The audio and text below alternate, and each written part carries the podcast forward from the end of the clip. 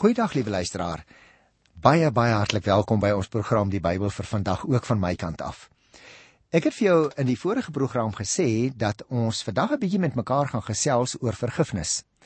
En ek wil dit baie graag doen want straf en belydenis en vergifnis is dinge wat nie heeltemal los staan van mekaar nie. En ons het 'n baie goeie voorbeeld daarvan in die geskiedenis van koning Dawid juis in sy uh, buiteegtelike verhouding, die oorspel wat hy gepleeg het met Batseba en buitendien dat hy ook haar man Uria laat doodmaak het, dat hy die hele tyd dit probeer verberg het, uh, sodat mense nie daarvan moet weet nie. Maar ons gaan nou vandag in hierdie verhaal sien hoe dat dit tog uitgekom het en hoe dat hy in die naam van die Here deur die profeet Nathan aangespreek is. Vir jou en vir my as Nuwe Testamentiese gelowiges is dit natuurlik ook van baie groot belang Voordat ek egter by die verhaal kom, wil ek graag 'n aspek uitwys wat nou miskien nou nie so direk op jou en my van toepassing is nie, naamlik dat Dawid in 'n gesagsposisie was. Nou miskien luister iemand na ons program wat sê ja, maar dan geld dit nie vir my nie want ek is nie in 'n gesagsposisie nie. Ek is maar 'n doodgewone persoon. Interessant dat ons vandag dikwels sien hoe dat mense juis in gesagsposisies misbruik maak. Dink nou maar aan die baie berigte wat ons in die koerant lees van seksuele teistering. Met die ontvouing van die drama rondom Dawid en Batseba en Uria, skets die Bybel nou vir ons die manier van sonde by 'n mens. Met name by die mens in 'n gesagsposisie. Daarom is dit tog vir ons van baie groot aktuële belang vandag nie waar nie. Want jy sien luisteraar, wanneer jy oor ander mense gesag uitoefen, dan beskik 'n mens oor bepaalde mag en kan jy dit gebruik, maar jy kan dit ook misbruik. Jy sien, gesag is nooit sinoniem aan autoritaire optrede nie. Om gesag te kan uitoefen, moet 'n mens gesag kan aanvaar. Anders omgestel, daar is geen persoon, liewe luisteraar, wat soveel gesag beklee dat daar geen gesag bo oor hom is nie. Jy sien, eers as 'n mens besef dat jy aan goddelike gesag onderworpe bly, jou hele lewe, elke oomblik van elke dag, gesag wat hoër is as jouself, waar jy verantwoording moet doen. Eers dan temper dit die moontlikheid om mag te misbruik. As jy dus, liewe luisteraar, iemand is wat wel in 'n gesagsposisie is, dan wil ek vir jou herinner aan hierdie verhaal van Dawid wat ons hier kry in 2 Samuel 12 waar ons moet leer onder andere dat ons elke een aan God die hoogste gesag onderworpe moet lewe. Nou goed. As ek 'n algemene opmerking oor die 12de hoofstuk mag maak, dan sou ek dit wil sê, die manier waarop Nathan koning Dawid tot verantwoording roep, is 'n voortsetting van die taak van 'n profeet soos wat dit destyds uitgestippel is deur die ou profeet Samuel. Jy kan gerus weer gaan kyk by 1 Samuel 12 daar van die 19de vers af. En terselfdertyd is dan ook 'n model vir alle profete wat as waghond teenoor die konings moes optree destyds. Andersyds was die reaksie van Dawid weer die model vir konings om te buig voor die profete woorde as mondstuk van die Here. En dit vorm ook weer 'n kontras met die reaksie van Saul wat hom nie by die profete woorde neergelê het nie. Jy onthou nog daardie gebeure in 1 Samuel 13, hè, toe uh, Samuel sommer eie gesag geneem het en hy het self die offers gebring en hy het gedoen wat die Here nie van hom verwag het nie. Kom ons lees die eerste 7 verse van 2 Samuel 12. Daarna het die Here die profeet Nathan na Dawid toe gestuur. Nathan het by hom gekom en gesê: "Daar is twee mans in dieselfde plek." Nou luister nou mooi. Dit is eintlik 'n baie pragtige verhaaltjie wat die profeet mee begin om te vertel. Byna soos die gelykenisse van die Here Jesus in die Nuwe Testament. Hy vertel van hierdie twee mans. Die een was ryk en die ander arm. Die ryk het 'n groot trop kleinvee en beeste gehad, en behalwe een ou ooi lammetjie, het die arme man niks besit nie. Hy het haar aan die lewe gehou. Sy het saam met sy kinders groot geword. Sy het van sy krummeltjies geëet, uit sy beker gedrink en op sy skoot geslaap. Ja, sy was vir hom soos sy eie dogter. Daar het 'n besoeker by die ryk man gekom en hy kon dit nie oor sy hart kry om van sy eie klein vee of beeste te vat en vir die reisiger te slag nie. Toe vat hy die ooi lam van die man en slag haar vir sy gas. Dawid het hom bloedig vererg oor die man en hy sê sommer vir Nathan: "So seker as die Here leef, 'n man wat dit oor sy hart kon kry om so iets te doen, moet doodgemaak word en hy moet viervoudig vir die oeilam vergoed." "Jy is die man," sê Nathan toe vir Dawid. Jy sien wat hier gebeur, liewe luisteraar. Hier kom die profeet aan. Mag ek vir jou 'n prentjie teken? Eendag sit Dawid in sy paleis En hier hoor hy kom die motorfiets aan. Hy weet, "Ah, dit is net die arme ou profeet. Hy kan nie meer bekostig nie. Hy ry met 'n motorfiets." Hy druk die klokkie. Koning Dawid maak die deur oop en hy sê, "My aarde, welkom profeet Nathan." Nou ja, julle geestelikes kom so min by ons aan huis, kom maar 'n bietjie in. Maar hy sien op die gesig van Nathan is daar 'n dringende en 'n ernstige trek. En dan vertel die uh, profeet vir hom hierdie verhaaltjie en Dawid reageer baie heftig. Ek kan my voorstel die troon op sy kop het sommer so gewip van ontsteltenis. Maar die volgende oomblik trek Nathan sy arm uit onder sy kleed. Hy bring sy wysvinger nader na Dawid toe. Hy druk dit as dit ware op Dawid se neus en hy sê vir Dawid: "Jy is die man." Jy sien, liewe luisteraar, die gelykenis wat hy vertel het, was 'n verhaaltjie om vir Dawid te laat insien wat hy gedoen het. Maar net soos jy en ek, ons pas dit nie dadelik op onsself toe nie. So sê en reageer Dawid dan dadelik heftig en hy sê so man moet doodgemaak word. En eers dan sê die profeet vir hom, "Maar luister, steek 'n bietjie hand in eie hart, want dis eintlik wat jy gedoen het, meneer die koning." Liewe luisteraar, Dis amper soos jy en ek as Nuwe Testamentiese gelowiges, né? Ons sien ook die splinter in die balk van die ander een.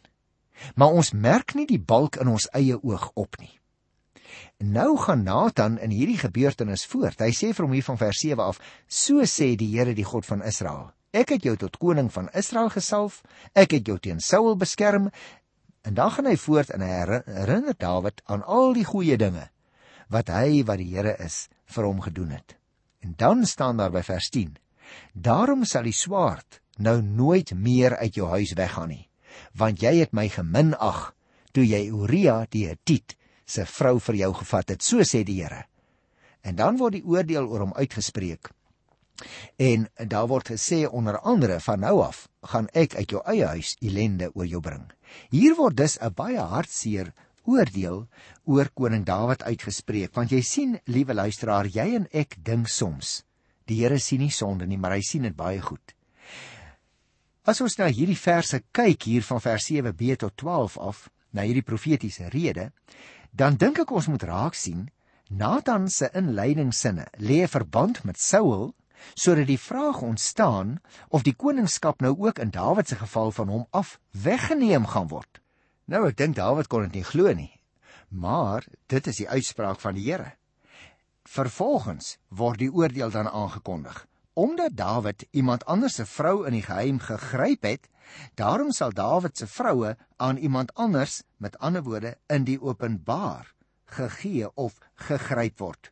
Nou, liewe luisteraar, hierdie iemand anders is eintlik 'n ironiese weerklank van die naaste. Met ander woorde dat die naaste 'n uh, 'n mensevrou kan afneem. So dit is 'n baie duidelike uitspraak in 'n sekere sin 'n oordeelsuitspraak wat die Here oor Dawid uitspreek. Maar luister nou na vers 13 en 14. Toe sê Dawid vir Nathan: Ek het gesondig teen die Here. En Nathan sê vir hom: Die Here het jou sonde vergewe. Jy sal nie nou sterwe nie. Maar omdat jy deur hierdie daad die vyande van die Here aanleiding gegee het om hom te laster, sal hierdie selfe kind wat vir jou gebore is, sterwe. Geweldige uitspraak, né? Dawid bely dadelik sy sonde. En jy sien, liewe luisteraar, die doel van die bestraffende woord van die Here is nooit om 'n sondaar dood te maak nie, maar juis om hom op te roep tot bekering sodat hy kan lewe. Ons kry hierdie gedagte ook baie duidelik tussen hakies in Esegiel 18 vers 23.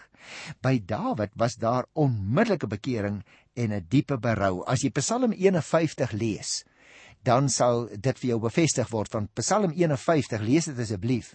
Daar sien jy hoe dat hy geweldig berou gehad het en daardie rou klag van Psalm 51 gemaak het en dit voor die Here uitgesnik het.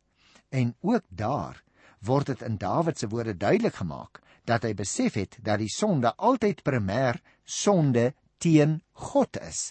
Sonde is nie in die eerste plek, liewe luisteraar, uh dit wat ek aan jou gedoen het nie. Dit kan dit ook wees, maar primêr is dit sonde teen God wanneer ek teenoor jou onreg optree terwyl die Here van my iets anders verwag.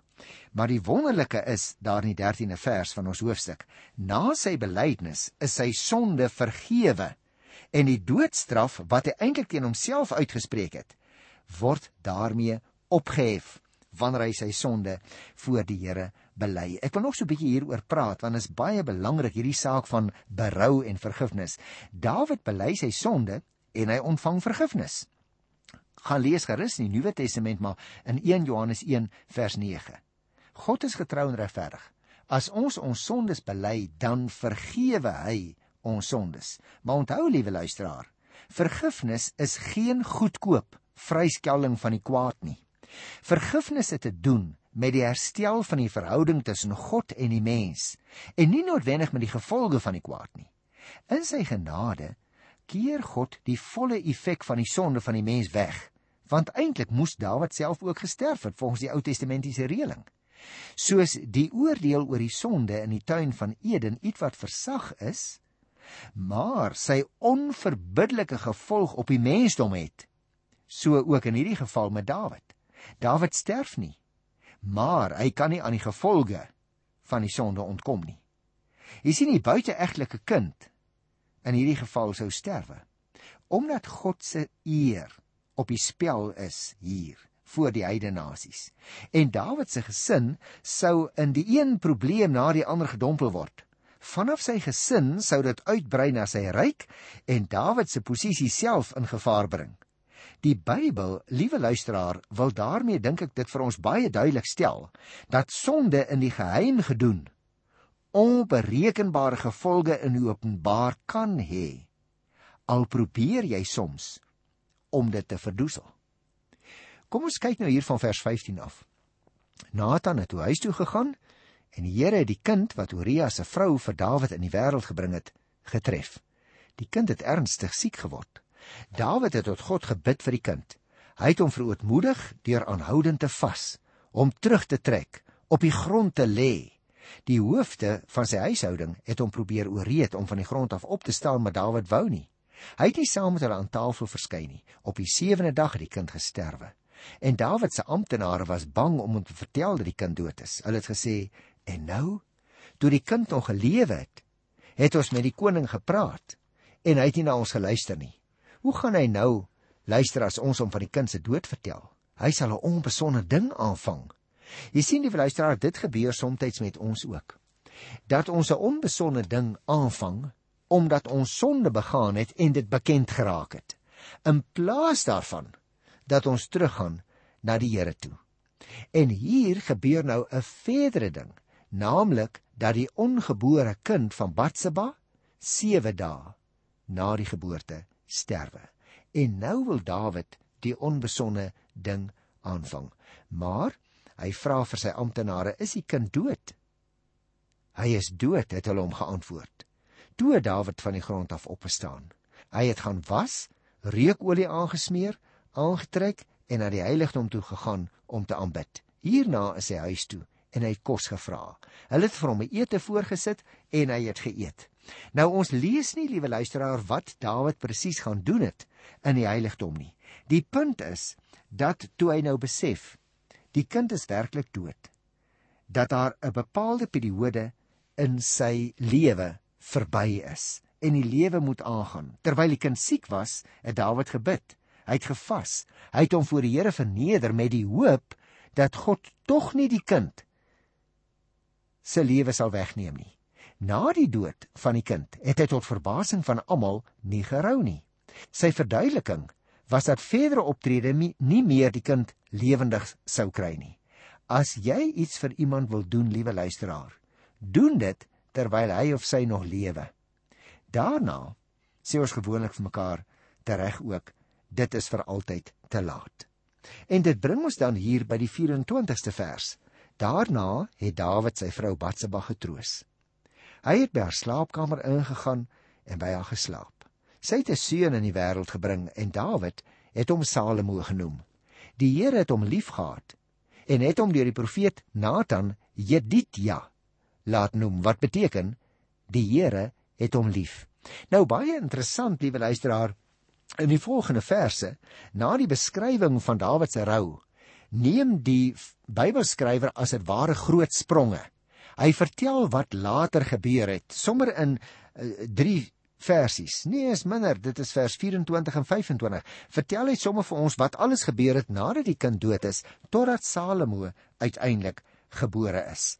Nou hoekom hy so vinnig beweeg, dit weet ons nie, maar ek dink dit is omdat hy juis wil laat verstaan die vooraf gedeelte waaroor Dawid berou gehad het, hom vir die Here verootmoedig het, vergifnis ontvang het, is nou verby en nou gaan die lewe weer aan. Ek dink liewe luisteraar, daarin moet ook vir jou of my 'n les in gebed lê. Want ons kan soms ons sonde voor die Here bely en hy vergewe ons en dan sleep ons as dit ware nog die hele sak en die hele probleem met ons saam. In plaas van dat ons kan opstaan en vry uitgaan. Miskien is daar iemand wat vandag na die program luister en wat sonde begaan het en dit voor die Here bely het, maar jy sleep dit nog saam. Gaan lees weer hierdie verhaal hoe dat Dawid nadat hy vergifnis ontvang het, opgestaan het en voortgegaan het met sy lewe, want ek dink dit is vir jou of my ook van groot praktiese betekenis. Ek sou daar wou uh, byvoeg uh, net nog hierdie opmerking, iets van die onbegryplike genade van die Here spreek juis uit die geboorte van Salomo. Die eerste kind het gesterwe, maar die volgende kind, naamlik Salomo, se bynaam is die Here het hom lief. Ons het hier luisteraars 'n demonstrasie van die woorde in Psalm 103 wat sê dat die Here nie ons sondes vir ons sal toereken nie. Om die waarheid te sê, die 12de vers in Psalm 103 sê baie pertinent: "Sover as die ooste verwyderd is van die weste," met ander woorde twee punte wat nooit bymekaar kan kom nie. So ver verwyder die Here ons oortredinge van ons. En daarom wil ek vir jou as Nuwe Testamentiese gelowige daaraan herinner. Die Here Jesus Christus het vir jou betaal. As ek 'n beeld mag gebruik. As ek my sonde aan die voete van die Here Jesus neerlê en ek gee dit as dit ware vir hom, want hy het daarvoor betaal in my plek, dan vat die Vader my. Hy sit my aan die een kant neer. Hy sit my sonde aan die ander kant neer en die kruis van Jesus Christus wat in die middel staan is die vaste waarborg dat daardie sonde nooit weer deur iemand teen my ingebring kan word nie. En daardie stuk genade wil ek ook vandag aan jou verkondig. As daar iets is, broers en susters, wat jy bely het, my sleep dit saam. Lê dit vandag neer aan die voet van die Here. Die Here Jesus het mos daarvoor juis gekom. Hy het krom geloop onder die gewig van 'n kruis sodat jy en ek mag regop loop. En daarom baie interessant in die volgende verse gaan die Bybelskrywer dadelik daartoe oor om te vertel hoe dat Dawid die Ammoniete verwerp het. Met ander woorde, hy wil as dit ware vir ons sê, ek het julle nou vertel van Dawid se oortreding. Ek het julle vertel van die profeet Nathan wat hom besoek het. Ek het julle vertel van sy berou en sy vergifnis deur die Here. Kom ons gaan nou aan. En daarom wil ek afsluit in vandag se program deur net die laaste paar versies te onderstreep. Want hier lees ons Dawid onderwerp die Ammoniete. En dit is eintlik as 'n mens dit nou uh wil indeel, is dit die laaste 6ste of die laaste stukkie van hierdie hoofstuk 2 Samuel 12. Kom ons lees dit eers. Joab het Rabba, die hoofstad van die Ammoniete aangeval. Nadat hy die koninklike woonbuurte beset het, het hy 'n boodskap na Dawid gestuur. Ek het Rabba aangeval en ek het reeds die ommuurde waterbron verower. Roep tog gou die res van die burgers op en kom beleer die stad. Neem u dit in sodat ek nie self die stad verower en dit dus my eiendom word nie. Dawid het al die burgers opgeroep en teen Rabba gaan veg en dit ingeneem. Hy het die kroon van hulle koning se kop afhaal. Die kroon was van goud so wat 34 kg en hy het 'n kosbare steen bevat. Dit het hy nou op Dawid se kop gesit en hy het ook 'n groot buit uit Rabba saamgevat. Hy het die burgers van Rabba weggevoer en hulle aan die werk gesit met saag, ysterbytel en byl. Party het hy by die steenoonde laat werk. So het hy teenoor al die ammonitiese stede opgetree. Daarna het hy en al die burgers na Jerusalem toe teruggegaan. Nou as 'n mens nou na hierdie laaste klompie verse kyk, liewe luisteraars, dan is dit nie vir ons heeltemal duidelik of die inname van die stad Rabba voor of na die gebeure plase vind het. Uh toe Nathan vir Dawid kom sien dit nie. Dit word nie baie duidelik vir ons te sê nie. Die skrywer het waarskynlik daardie verhaal eers afgehandel tot en met die geboorte van Salomo voordat hy na die oorlog waar tydens daardie episode begin het teruggekeer het. Die inname van Rabba kon moontlik plaasvind het voor die geboorte van Dawid en Batsheba se eie seun. Na die dood van Uria het Joab voortgegaan met die beleg van en die aanvalle op Rabba. Die koninklike woonbuurte waarvan ons hier lees, was waarskynlik nie deel van die vesting van die stad nie, maar geleë by die ommuurde waterbron buite die stad en laer as die vesting. Dis nagies, Rabba was geleë op die wal van die Jabok rivier. Die waterbron was dus waarskynlik nader aan die rivier en die vesting op die rand van die vallei.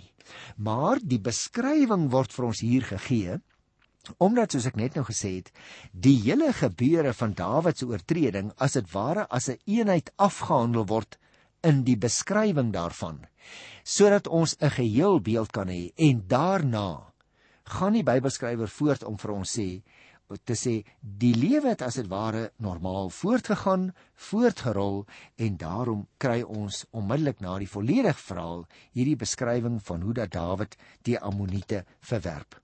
Ek wil graag afsluit by die 31ste vers. Dawid het die burgers van Rabba weggevoer en hulle aan die werk gesit met saag en ysterbytel en byl. Jy onthou ek het dit net nou ook gelees, maar daarmee wil ons dus sê die lewe gaan voort. Dawid neem weer sy taak op. Ook die Ammoniete self het swaar gelei onder die neerlaag toe hulle verslaan is deur koning Dawid. Dawid hulle het hulle nou as arbeiders gebruik tot voordeel van sy ryk. Hulle omstandighede sou ek sê kan 'n mens amper vergelyk met die van die Israeliete in Egipte. Jy onthou nog toe Eksodus behandel is. Daar by die eerste hoofstuk ver, vertel vers 13 en 14 vir ons hoe swaar die Israeliete gekry het, hoe hard hulle fisies moes werk. Mens kry amper 'n voorbeeld daarvan in hierdie gedeelte waar Dawid nou ook hierdie mense wat die rom onderwerp is, hard fisies laat werk. In daardie tyd was dit natuurlik die algemene gebruik.